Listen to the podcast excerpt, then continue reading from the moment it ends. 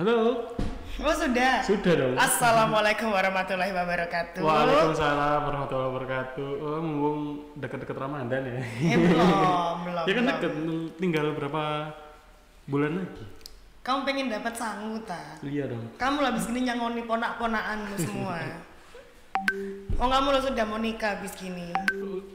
Ya, emang mau dibuka di sini ya. Sido ta? Halo, selamat pagi teman-teman dari bikinusahasablon.com. Selamat pagi semuanya dan akhirnya kita bertemu lagi ya setelah dua minggu kita nggak libur juga sih. Enggak libur sih, memang ya kan. Minggu kemarin kan kita nggak tayang. Heeh, heeh. Karena kan ada sesuatu hal yang nggak bisa Iya. dibuat tayang. Eh, kamu kangen aku nggak nggak suka gelai. Apa sih? eh, Iya, eh, kan? mbak, mbak, tolong ada itu nggak ada duit receh nggak mbak? Mau minta saya lempar ke dia langsung ya kan, kan gitu memang ini yang lagi yang lagi hype. Enggak.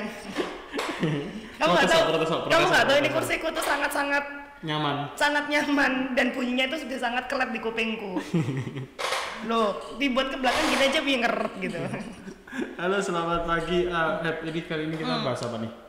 Kali ini kamu kok serius banget sih kita semua lagi hitam-hitam sekarang. Enggak, ikut berduka. Eh enggak, jangan ngawur. Hah? Nggak boleh berduka kenapa, Pak? Berduka soalnya di Indonesia dudukan kan banyaknya kebanjiran. Oh iya, aduh ya ampun kita turut berduka juga ya buat semua temen yang di seluruh Indonesia Ya, yang pinter aja ngelesnya.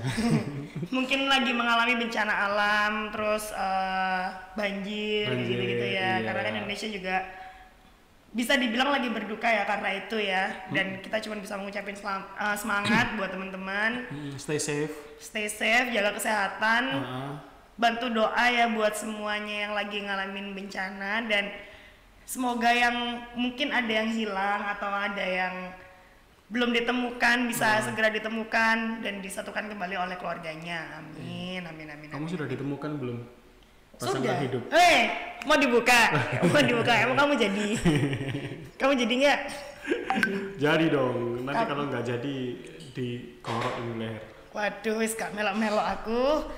Udahlah kita kembali langsung ke topik aja Iya, ya. iya, iya. Kita Yang dari tadi kita ngelantur banget. Mm-mm. Yang di kali ini kita pengen bahas tentang mesin cutting.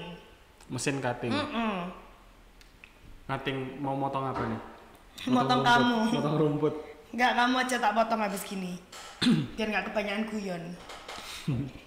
Jadi teman-teman kita bakal bahas mesin cutting yang di mana eh, banyak sekali pertanyaan dari teman-teman Mm-mm. yang ada di komennya YouTube kita juga kemarin ya dan Mm-mm. ada juga banyak ini lucu banget sih kursinya ya ampun aduh Awas kecengklang nih mas. kena mesin cutting kursinya dipotong jadi teman-teman eh, banyak juga yang tanya-tanya di YouTube di Facebook Hmm. di mana pun eh, di WhatsApp kita juga banyak yang tanya mesin cutting itu sebenarnya buat apa aja sih Kita ngomongin mesin cutting apa nih? Cutting plotter. Buat sablon. yes benar Oke. ha. Karena kan banyak juga yang tanya, kalau misalnya aku beli mesin ini, kalau misalnya cuman bisa buat polyflex aja kan dalam tanda kutip rugi dong, cuman buat satu itu aja. Hmm, hmm, hmm. Kira-kira bisa ada buat yang lainnya nggak sih mas? Ah, setauku ya, mesin cutting plotter Kamu itu- harus tahu, kamu nggak boleh tahu, harus tahu emang. Oh iya ya. Kalau nggak tahu nanti aku dimarahin. Jadi gimana? eh mesin cutting itu ya cukup banyak juga sih apa hasil hasil outputnya selain setelah kita polyflex stiker vinil itu bisa. Jadi misalnya kalau mau cetak ini apa eh mencetak apa sih namanya? Wrapping mobil wrapping motor itu kan habis dicetak kemudian di cutting kemudian juga bisa stiker label label makanan gitu. Oh, berarti kayak kan sekarang kan juga banyak banget kan dari teman-teman ini yang buka usaha, mungkin dari F&B yang di mana Hmm, kan hmm. Atau juga sih, yang, yang, yang, kan. yang, yang sekarang yang lagi rame ini ini apa eh, kopi susu botolan. Kopi susu kamu. Kamu terlalu anak senja kayaknya. Senja kopi dan Nah, senja kopi dan lambung. Suwe-suwe lambungmu upgrade ya. Jadi kembali ke topik yang awal. Iya, ah, nah jadi tadi apa polyflag, stiker vinyl itu juga bisa termasuk ke wrapping motor. Wrapping itu ini loh apa? Stiker-stikernya. Branding mobil bukan sih? Ah, ah, selain branding mobil biasanya anak-anak herek gitu kan. Eh, yang gimana tuh? Motornya motornya di stikerin kayak motornya Mas itu yang di sana. Yang di mana? Oh, jauh banget mas. Jadi eh, berarti intinya kan nggak cuman buat eh, polyflex, Polyflex, aja ya teman-teman iya, ya, ah. bisa buat Bisa buat label makanan kan baik banget yang F&B ya, bikin kopi makanan, dan segala macem. ah. Atau mungkin kalau misalnya clothing itu loh mas tau nggak sih mas orang biasa kan sekarang kan pada happening juga nih orang-orang bikin uh, clothing sendiri jadi kayak mereka tuh punya konveksi jadi jahitin baju Hmm, terus dijual biasanya kalau aku pernah beli di online shop online shop sekarang itu kayak dikasih stiker. Heeh, dan Oh ada iya, ucapan benar. terima kasih kayak Benar, gitu-gitu jadi benar. cute banget Kayak- emang packagingnya Kayak gini. Ini tapi merek ya. hei nggak boleh kita nggak disponsorin Tak tutup, tak tutup. kita nggak disponsorin sama beliau Kayak gini. tapi siapa tahu ya kita dapat sponsor dari dia ya tiba-tiba ya Dapat sepatu gratis gitu. Amin ya ampun. Mas gak usah sepatu wes mas, kaos aja lo tak terima mas. Lumayan. lumayan, lumayan. lumayan. Mm-mm. Terus habis itu apa lagi ya selain stiker? Um, Buat ngating kertas biasa gitu bisa nggak sih mas? kalau Kayak bikin kartu ucapan gitu-gitu bisa nggak sih kira-kira? kalau kita ngomongin cutting secara global harusnya bisa. Cuman karena uh, biasanya fitur-fitur dari mesin cuttingnya itu sendiri itu beda-beda. Oke. Biasanya ya, nek wong Jawa ngomong, Iya, iya, apa? ono rego, ono rupo. Oh ngo- ngoten mas. Iya. Jadi mesin cuttingnya biasanya kalau uh, harganya semakin mahal, biasanya fitur-fiturnya semakin lengkap. Gitu. Iya. Mesin cutting itu biasanya range harga nih mas. Kita bahas range harga ya. Untuk range harga nih. Kira-kira dari yang paling murah yang kamu tahu sampai sing paling larang sing sampai total kinjel iku sing di. Eh, mesin cutting ya ada yang harga setahu ada yang harga 3 3 sampai 5 jutaan itu ada. Oke, kalau masalah kualitas jangan dibahas ya karena Iya, kan beda-beda ya. Iya, Karena kan biasanya eh, harganya harga 3 sampai 5 juta tuh biasanya ukurannya dia Mm-mm. dia biasanya mentok di 30 cm. Oke. Kita ngomongin cutting plotter ini 30 cm. Mm-mm. Kemudian ada yang eh, 60 cm yang kita bikin usaha sablon juga jual yang Rhinotech RC 60 XA Oke. itu sekitar 78 jutaan. Oke. Kemudian ada yang 130 cm. Itu Yang lebih gede lagi ya. yang lebih lebar lagi. Itu biasanya buat orang-orang yang main di stiker branding mobil. Oh, branding mobil sama motor herek tadi itu ya. Iya, Oke. ah, kayak gitu. Ada juga yang luasnya 1,3 juga tapi eh, produksi mesin produksi dari Jepang biasanya dia harga lebih mahal karena biasanya lebih presisi, kecepatannya lebih cepat. Terus kualitasnya juga nggak bisa diragukan lagi ya. Kalau Iya. misalnya semakin mahal harganya pasti kan ada kualitas iya nggak sih mas kira-kira? Hmm. Kemudian eh, dari induknya bikin usaha sablon.com ini Mm-mm. eh, dari wujud unggul sendiri itu juga punya eh, mesin cutting yang harganya sekitar 200 juta sampai 400 juta. Widih. Berarti kalau misalnya kita beli Itu mesin cutting cuman itu, ha? untuk motong. Tapi bukan cuman sih, potong pun itu dia yang harga segitu itu bisa apa aja mas? Fiturnya banyak. Dia bisa cutting korporasi. Kalau misalnya kamu tahu ini enggak sih? Apa? Kalau 17 Agustusan Oke. Heeh. dapat kupon apa jalan sehat nggak sih? Iya dapat. Nah, sing sing kayak eh, garis nek dipotong eh, nek Oh, mek titik gampang sing gitu loh. sing karcis korupsian niku ta mas. Iki- Biasanya ini dipakai. contoh, ini contoh panitia 17-an yang suka korupsi guys. Enggak, enggak. Biasa soalnya di Bali, Mas. Yang kudune HPP-nya cuma 5.000 moro-moro jadi 15.000. 10.000 lumayan loh, guys, kalau satu biji. Kalau bikin 10 biji kan 100.000 ribu ketok moto, Mas. Jahat emang dia. gitu jadi Terus? cutting cutting yang apa itu yang garis yang lubang-lubang itu. Mm-mm. Kemudian biasanya mesin cutting itu yang harga sing harga mahal gitu Mm-mm. juga bisa dia kiss cut. Jadi kiss cut itu dia nggak potong sampai dalam. Jadi cuman eh, apa ya? Modelnya ini biasanya dipakai untuk packaging. Oke. Biar apa ya nek ngarani orang Jawa. Biar kalau misalnya Ngelengkup, gampang. eh, gampang. Oh, Iya. paham, paham, paham. Terus bisa buat apa lagi, Mas? Eh, biasanya dia auto feeder jadi ditata lagi udah selesai ditata lagi capek Oh, berarti dia otomatis berarti kayak kayak printer biasa gitu nggak sih? Hmm, Jadi hmm, kita hmm. tinggal taruh kertasnya gitu aja, terus tiba-tiba udah keluar sendiri hasilnya seperti apa, tinggal nekuk nekuk gitu aja ya. heeh. Itu terus habis itu dia juga biasanya mesin cutting itu ada yang bisa eh, half cut sama die cut Bedanya apa mas? Tolong dijelaskan. kalau half cut itu kan biasanya kalau stiker itu ada dua lapis nih Mm-mm.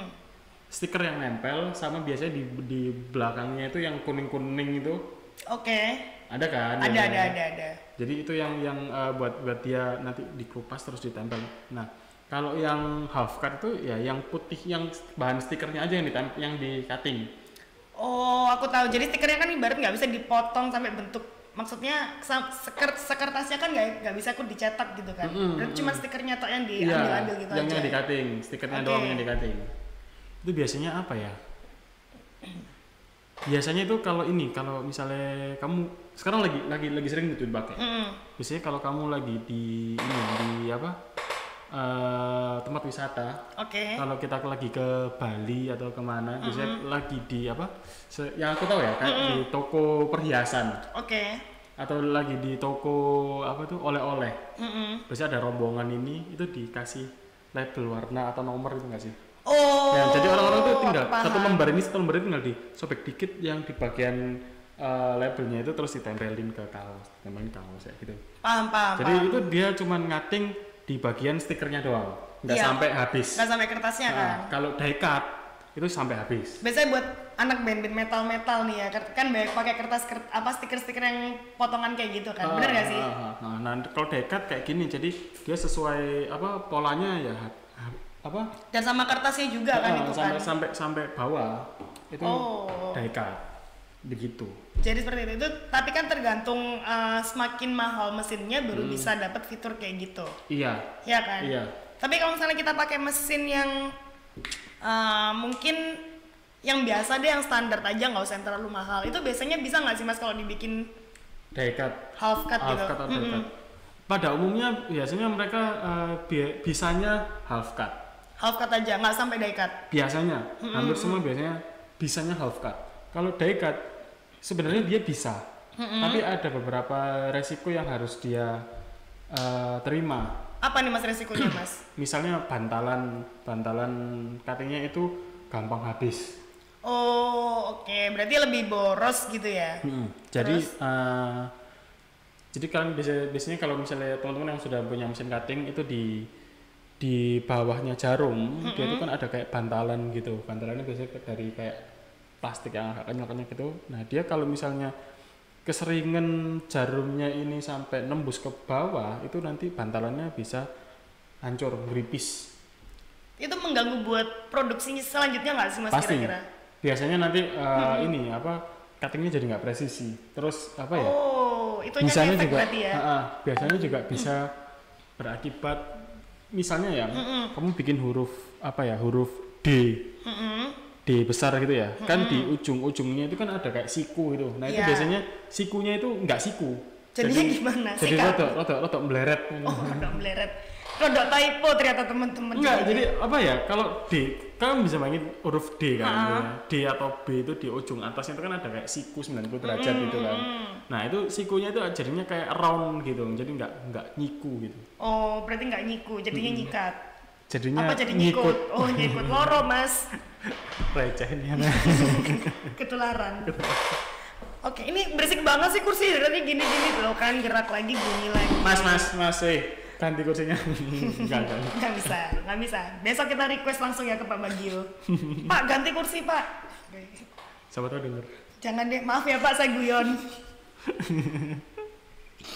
Oke, terus untuk bahas resikonya lagi nih Mas. Kira-kira nih Mas, apa aja sih Mas resiko kalau misalnya nih, eh, contoh kemungkinan ya kan kayak misalnya mesin cutting ini kan sebenarnya kan nggak diperuntukkan juga buat kertas kan? tergantung mesinnya tadi. Kita balik lagi tergantung dari fitur mesinnya. Ada yang fitur mesin dia memang untuk kertas. Ada yang fitur mesin untuk eh, Stiker. stiker. Nah kalau yang stiker dipaksakan buat kertas nih Mas, kira-kira ada sesuatu resiko yang paling itu nggak sih? Paling apa ya? Paling fatal gitu mas di ya terakhir itu tadi eh, setauku selain apa bantalan yang gampang habis biasanya kalau kertasnya dia lebih tebel itu jarumnya dia gampang aus. Oke. Kok jarumnya pisau? Pisaunya dia gampang aus gampang habis. Oke. Terus apa ya? Wis putel. Kalau print headnya gitu ngefek gak sih mas? Eh, ini kalau jarum kalau kita ngomongin cutting itu nggak ada print head. Oke oh nggak ada print head oke. Nggak ada print head. Jadi ya ya ini cuman kepala dari mesin cuttingnya aja itu. Oh berarti itu yang bermasalah ya? Jadi yang yang bermasalah ya nanti ininya apa pisau sama bantalannya. Nah biasanya orang-orang kalau apa eh, menggunakan biasanya dipakai polyflag atau vinil Mm-mm, vinil stiker gitu ya mm-mm, dipaksakan untuk mengcutting kertas itu mm-mm. agak repot. Bisa ditambahin yang namanya bantalan kayak apa ya cutting mat cutting mat oke. Cutting mat itu kayak yang warna hijau itu kan? Iya dia lembaran gitu terus dia agak tebel. Oke. Dia biar jarumnya ini nggak tembus ke bawah kayak gitu. Oh berarti itu salah satu cara buat biar eh, bantalannya tuh nggak gampang rusak gitu ya? Benar. pakai cutting mat. Dicatat ya teman-teman ya pakai cutting mat. Jangan lupa. Mm-mm. Terus, di, Mas? di apa bikin usahasablon.com buka. Oh, jualan kok Oh jualan ya kita Iya, ya, ha-ha. langsung aja deh teman-teman. Kalau misalnya anu boleh beli ya langsung ya, cie. Langsung promosi juga. promosi terus. Omset mas, oh iya. Mau akhir bulan mas, produk pusing mas. targetnya belum tercapai ya? Eh udah, udah. Alhamdulillah, udah. alhamdulillah, udah. Alhamdulillah. berarti habis gini aku ditraktir happy dong. Yeay, abis ini bikin latte ya. Udah tak beliin susu. oke lanjut. Gimana lagi? Nih. Terus em, tips-tipsnya ada lagi nggak sih mas? Kalau misalnya nih orang-orang kan juga teman-teman kan ini ba- banyak banyak juga yang masuk di inbox kemarin ya. Katanya eh, kok jarumku gampang aus ya?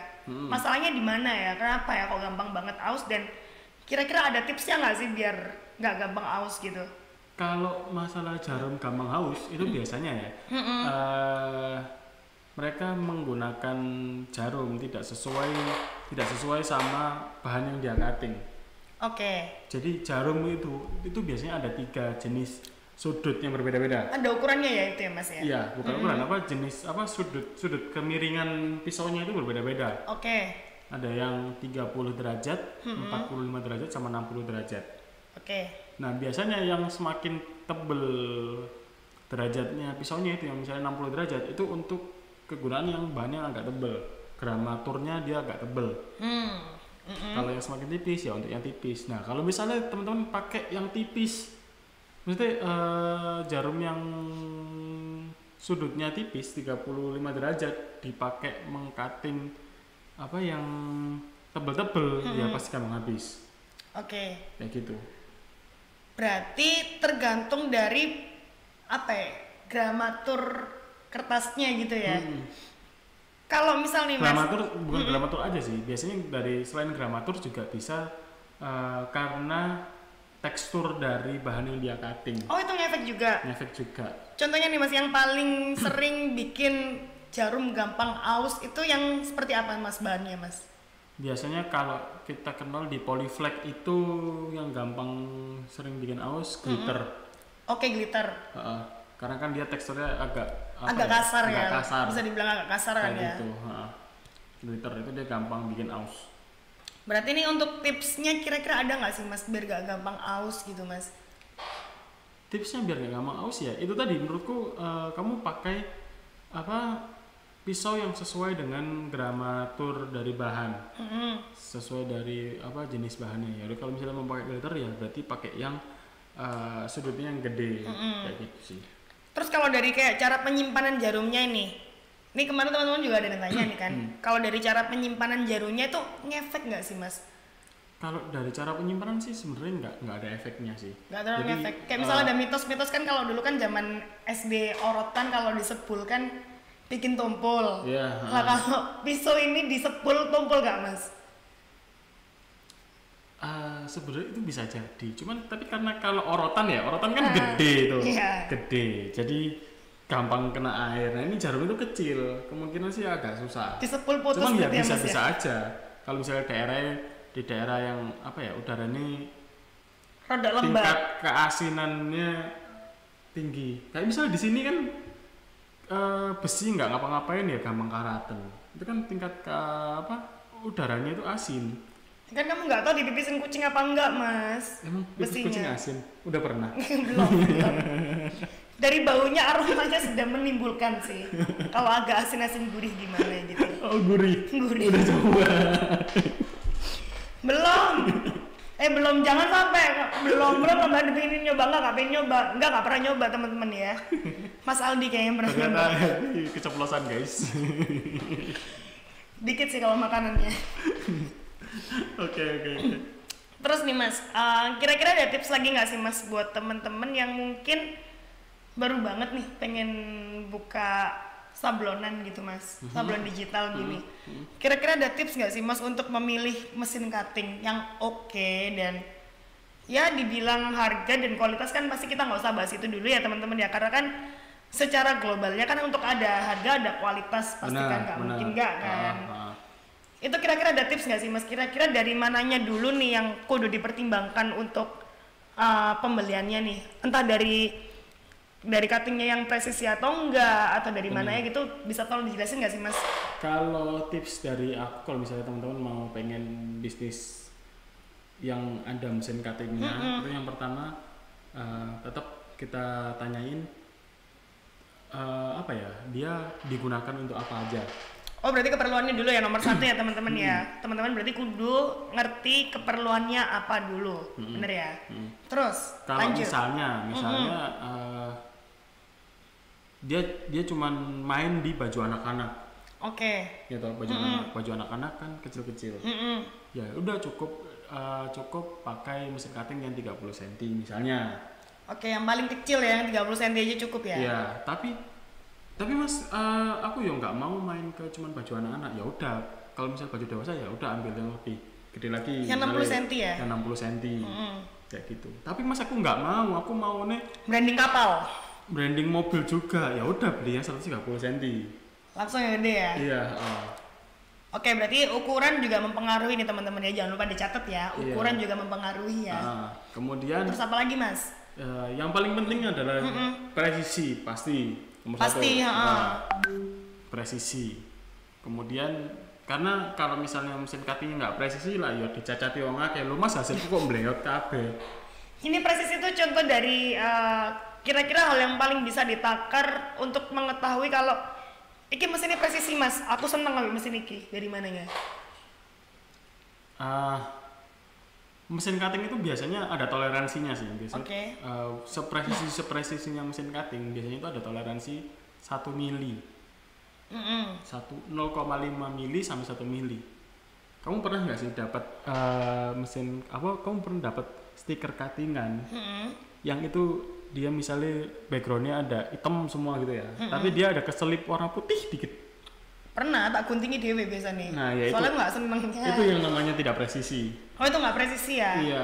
Berarti kalau misalnya presisi itu bener-bener yang eh, sesuai dengan gambar gak ada melesetnya sama sekali. Benar, benar. Dan mungkin kita ngeceknya dari mananya sih mas?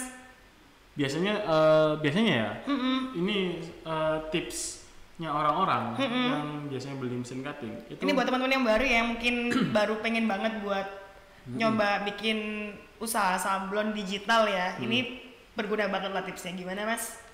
eh, biasanya kalau kalian mau beli mesin cutting coba kalian bikin eh, waktu waktu mau beli ya kalian bikin eh, pola bulat Mm-mm. bulat ser Lingkaran ya? lingkaran Bunder ser. bunder ser itu eh, biasanya ya di titik awal dia mulai start memotong sampai di titik akhir kalau mesinnya itu nggak presisi biasanya itu ada nggak ketemu nih titik awal sama titik akhirnya Gini lah mas. jadi misalnya anggap aja ini ini ini apa Ini lingkaran ya oke. titik awalnya di sini Eh besok kayaknya kita request minta papan tulis Oh, kali iya, ya. benar, ya. Iya iya boleh boleh boleh kita titik request awalnya di sini ya terus Oke. dia eh, jalan kayak gini terus titik akhirnya nggak ketemu Oh, gini gak jodoh berarti ya Iya. mas ya? Walah, sak nore gak jodoh rek. Ditinggal nang di mas. Ditinggal merantau si Cini nang dukur, si Cini nang ngisor. enggak dipek kambek vokalise Hey, hey, hey, kamu kok dari kemarin bahas itu terus? maaf saya followers lah gitu Terus dulu. Tante Rempong follow nggak? Enggak. Iya, follow aja mas. Itu lebih jahat lagi mas. Lanjut deh ke topik yang tadi deh. Nah ya itu eh, biasanya paling dilihat kalau presisi adalah itu biasanya. Mm-mm. Jadi kalau misalnya kita bikin apa gambar bulat itu titik start sama titik akhirnya ketemu apa enggak? Biasanya ada mesin cutting yang dia seper sekian mili dia nggak ketemu. Oh berarti agak-agak nggak presisi, tapi bisa dibilang nggak presisi juga ya? Kan agak agak fatal juga sebenarnya Nah, mas nah ya, itu itu gini. akhirnya pada akhirnya nanti kalau misalnya kalian mau memotong yang lainnya Mm-mm. ya titik awal sama titik akhirnya nggak ketemu jadinya nanti ketika kita apa ya ngelupas peeling peeling stiker atau peeling dari polyflagnya itu susah akhirnya ada yang dia nggak kepotong karena kan nggak ketemu dari titik awal sama titik Oh. akhirnya Iya sih kalau misalnya ditarik juga bakal sobek juga kan. iya ada yang ada yang ada yang nggak kepotong lah ya, intinya kayak gitu Mm-mm. gitu Itu terus uh, kemudian apa lagi nih? eh, tadi apa aja dari kegunaannya Dari kegunaannya kan berapa? kita, kita udah tahu Ha. fokusnya mau di apa dulu ya Ha. kegunaannya. Terus kedua ukurannya. presisi apa enggak Benar. Terus presisi apa enggak? Terus ada lagi nggak mas? terus ada lagi Apa nih? fiturnya Oh fiturnya. Oke fitur ini menarik sih mas. fiturnya Yang paling perlu dipertimbangkan dulu fiturnya yang pertama apa nih mas? kalau pada akhir-akhir ini ya Mm-mm. eh, mesin cutting itu harus biasanya eh, yang paling umum sekarang mesin cutting ini sekarang minimal ada auto kontur Oh oke, auto contour itu bisa dijelaskan mas? auto kontur Secara garis besarnya aja sih. Mungkin buat teman-teman ada yang belum paham. Mm-mm. biasanya ya auto kontur itu digunakan oleh orang-orang yang main stiker Oke.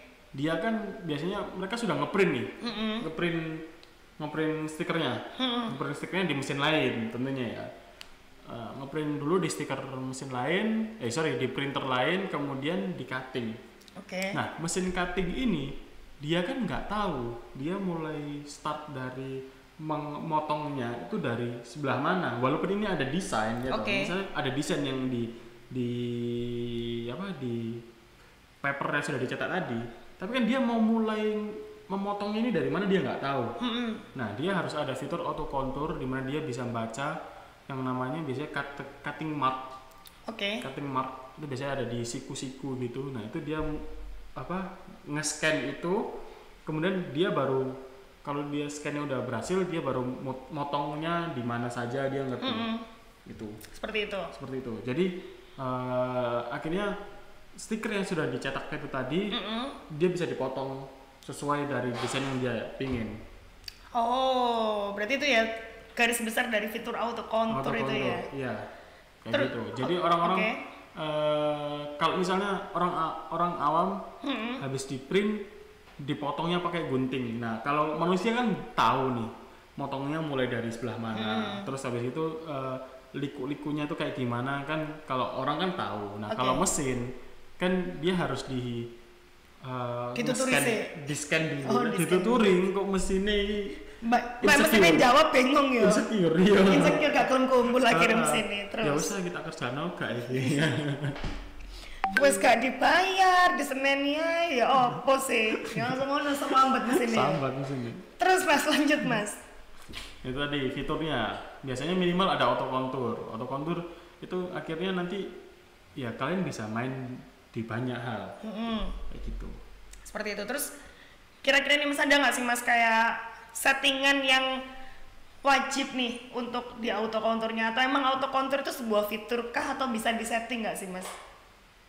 Disetting Ya. itu dalam arti kan kalau misalnya kita beli Ya, mesin cutting kan pasti ada installmentnya kan. biasanya sih kalau uh, fitur auto contour itu ya uh, memang sudah ada di mesinnya itu Berarti nggak bisa disetting-setting kayak gimana pun juga nggak bakal bisa ya. Kecuali Eh. kita dapat fiturnya itu ya, benar nggak sih? biasanya tuh ada mesin cutting itu yang dia sebenarnya bisa auto contour Mm-mm. tapi dia harus ada tambah ekstra dana buat beli software agar mesinnya biar bisa baca cutting mark itu Oh, berarti sama kayak kerja dua kali ya Mas ya? nggak kerja dua kali sih ya berarti ya opsional kalau kamu, kamu mau auto contour ya udah nambah uang buat beli softwarenya itu Jadi Kayak seperti gitu. itu nih teman-teman ya. Ah. Jadi nggak nggak semua yang nah tapi kalau kita punya sudah lengkap cie ngejar omset.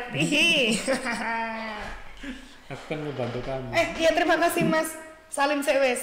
tak salim lo tak salimi. Mari ini oleh sangu aku ya teman-teman ya. Bentar aku mau coba cek di YouTube nggak ada yang komentar. belum belum. Belum ya, belum. Belum, Oke. belum, belum, Kalau teman-teman ada pertanyaan lain, boleh langsung aja ya Iya, dikasih di boleh sini ya. langsung, mumpung kita lagi live nanti bakal kita bantu jawab. Mas Aldi ngerti nggak? Ngerti tak paksa ngerti pokoknya teman-teman. Nggak usah bingung. Apa? Oh Oke. garansi garansi mas Iya. Oh iya itu, juga ber- itu juga penting kalau kalian mau beli mesin. Mm-mm. oh iya Pastikan make sense sih kalau misalnya pastikan- jalan moro-moro bucat ngono ya apa ya benar, kan? pastikan eh, garansinya seperti apa. Mm-mm.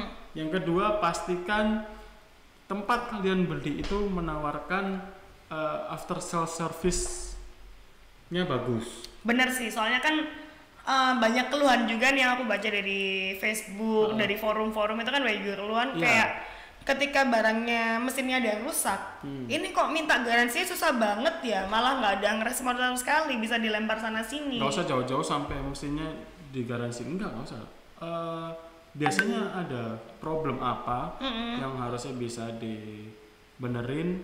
Nanti tempat yang kamu beli mesinnya, ya nggak tahu mas, kita kan beli putus. Nah itu kan repot akhirnya. Nah itu akhirnya lepas tanggung jawab dari mana-mana ya. Iya, Dan sedangkan sedangkan kita juga udah ngeluarin uang juga yang bisa dibilang lumayan juga ya untuk Iya, mesin gini ha-ha. kan pasti kan jutaan nggak mungkin ratusan ribu kan. Hmm, hmm, hmm. Jutaan terus tiba-tiba rusak di tengah jalan terus kita balik ke pembelinya eh, penjualnya penjualnya bilang lu gak ngerti mas Iya, itu kena kata-kata gak ngerti ki ya rodok Iya, uh, iya kan. itu resiko ditanggung penumpang wah repot. nah iki makanya Nah itu.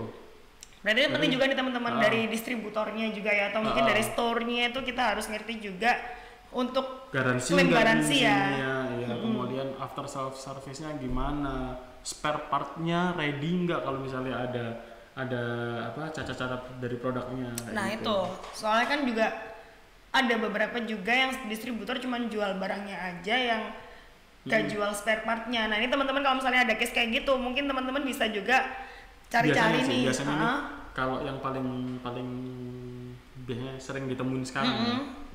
teman-teman ngecek di e-commerce misalnya marketplace Oke. bisa di toko oren itu gitu Mm-mm. wah ini mesin cutting kok harganya murah banget beda beda beda bedanya jauh dari yang yang dijual di Indonesia Mm-mm. eh ternyata itu belinya di luar sana dikirim Oh, dari luar negeri overseas. iya Iya, overseas uh-uh. ya. kemudian ketika ada problem ya wes mate nah Nah itu moro-moro pas di kapal-kapal kena guncangan bukan, ya. bukan bukan bukan kayak gitu Gimana mas? eh, belinya dari luar negeri Oke. atau belinya dari luar Oh datang-datang ada yang patah kayak gitu-gitu ya. ketika mesinnya ada problem lah ini kita mau tanya ini ke mana kan nggak tahu Iya sih bingung juga sih. Kita mau balik ke toko oren itu kan juga nggak mungkin juga kan. Iya, Pasti ha-ha. mereka juga nggak nggak tahu nggak ya, bisa kan tanggung jawab ya. ha-ha, kan penjualnya di sana kayak gitu. Gitu sih. Jadi mungkin buat teman-teman kalau ada case kayak gini mungkin beli udah udah terlanjur beli yang yang ada masalah ya. Cuman Hmm.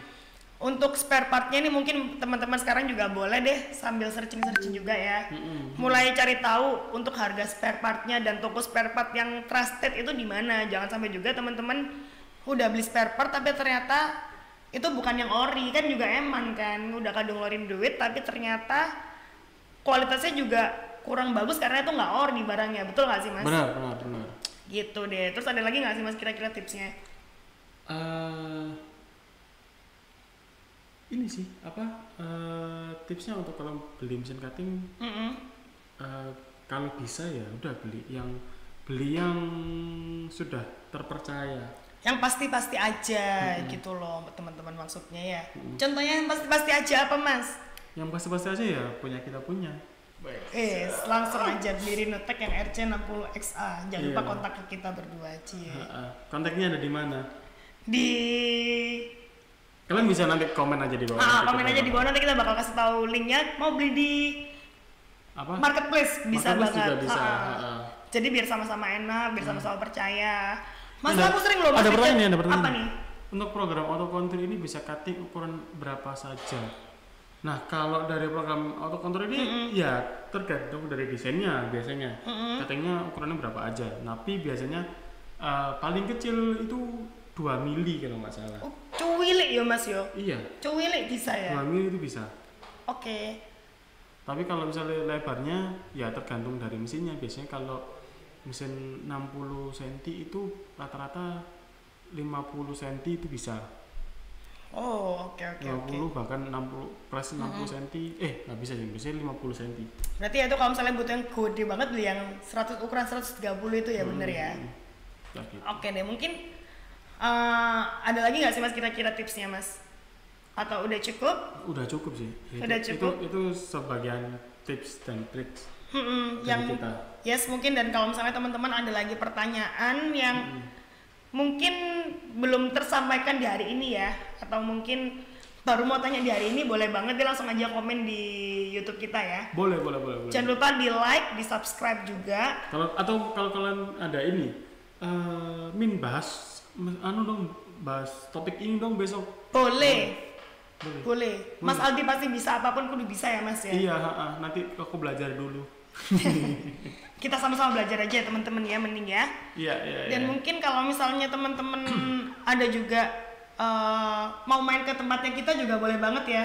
Boleh boleh. Karena kan baik juga nih orang-orang yang kayak misal penasaran nih Yes, benar. cara kerjanya kayak gimana benar dan juga tapi takut juga kalau misalnya ke sini ntar dam disuruh beli padahal ya enggak juga. enggak. Kan yang penting lihat dulu ngerti barangnya kalau misalnya serak ya wis monggo, nggak serak ya wis. iya tapi ya, kan? jangan ke sini bawa file bawa bahan 20 meter kita disuruh ngapingin Waduh. Nggak nambah masalah mas bayaran nih mas. Kan repot juga. oke oke kita sudah melenggang berapa lama nih Het? Sudah banyak banget dan akhirnya udah 35 menit nih ayo mangan yuk mari kene yuk lu ya aku. ya wis dadah Ya wis lah teman-teman, bye. Sampai tak jumpa di- se aku. Tingwe episode selanjutnya Bye bye di, Sampai- Rabu depan ya jangan lupa Iya. jam 10. jam 10 Jam tapi 10 tadi pagi. kita telat Kan jam 10 tetepan. oh iya oke tetap jam 10 Pokoknya jam 10 masih, masih lebih. masih masih di masih di jam Benar, 10 ya? sekarang aja masih jam 10, 57. oh iya Kan masih jam 10 teman-teman. Oke. Jadi nggak usah khawatir yang yang pasti kita bakal datang lagi Rabu depan jam 10 cuman di Tingwe Printing Wednesday. Hai.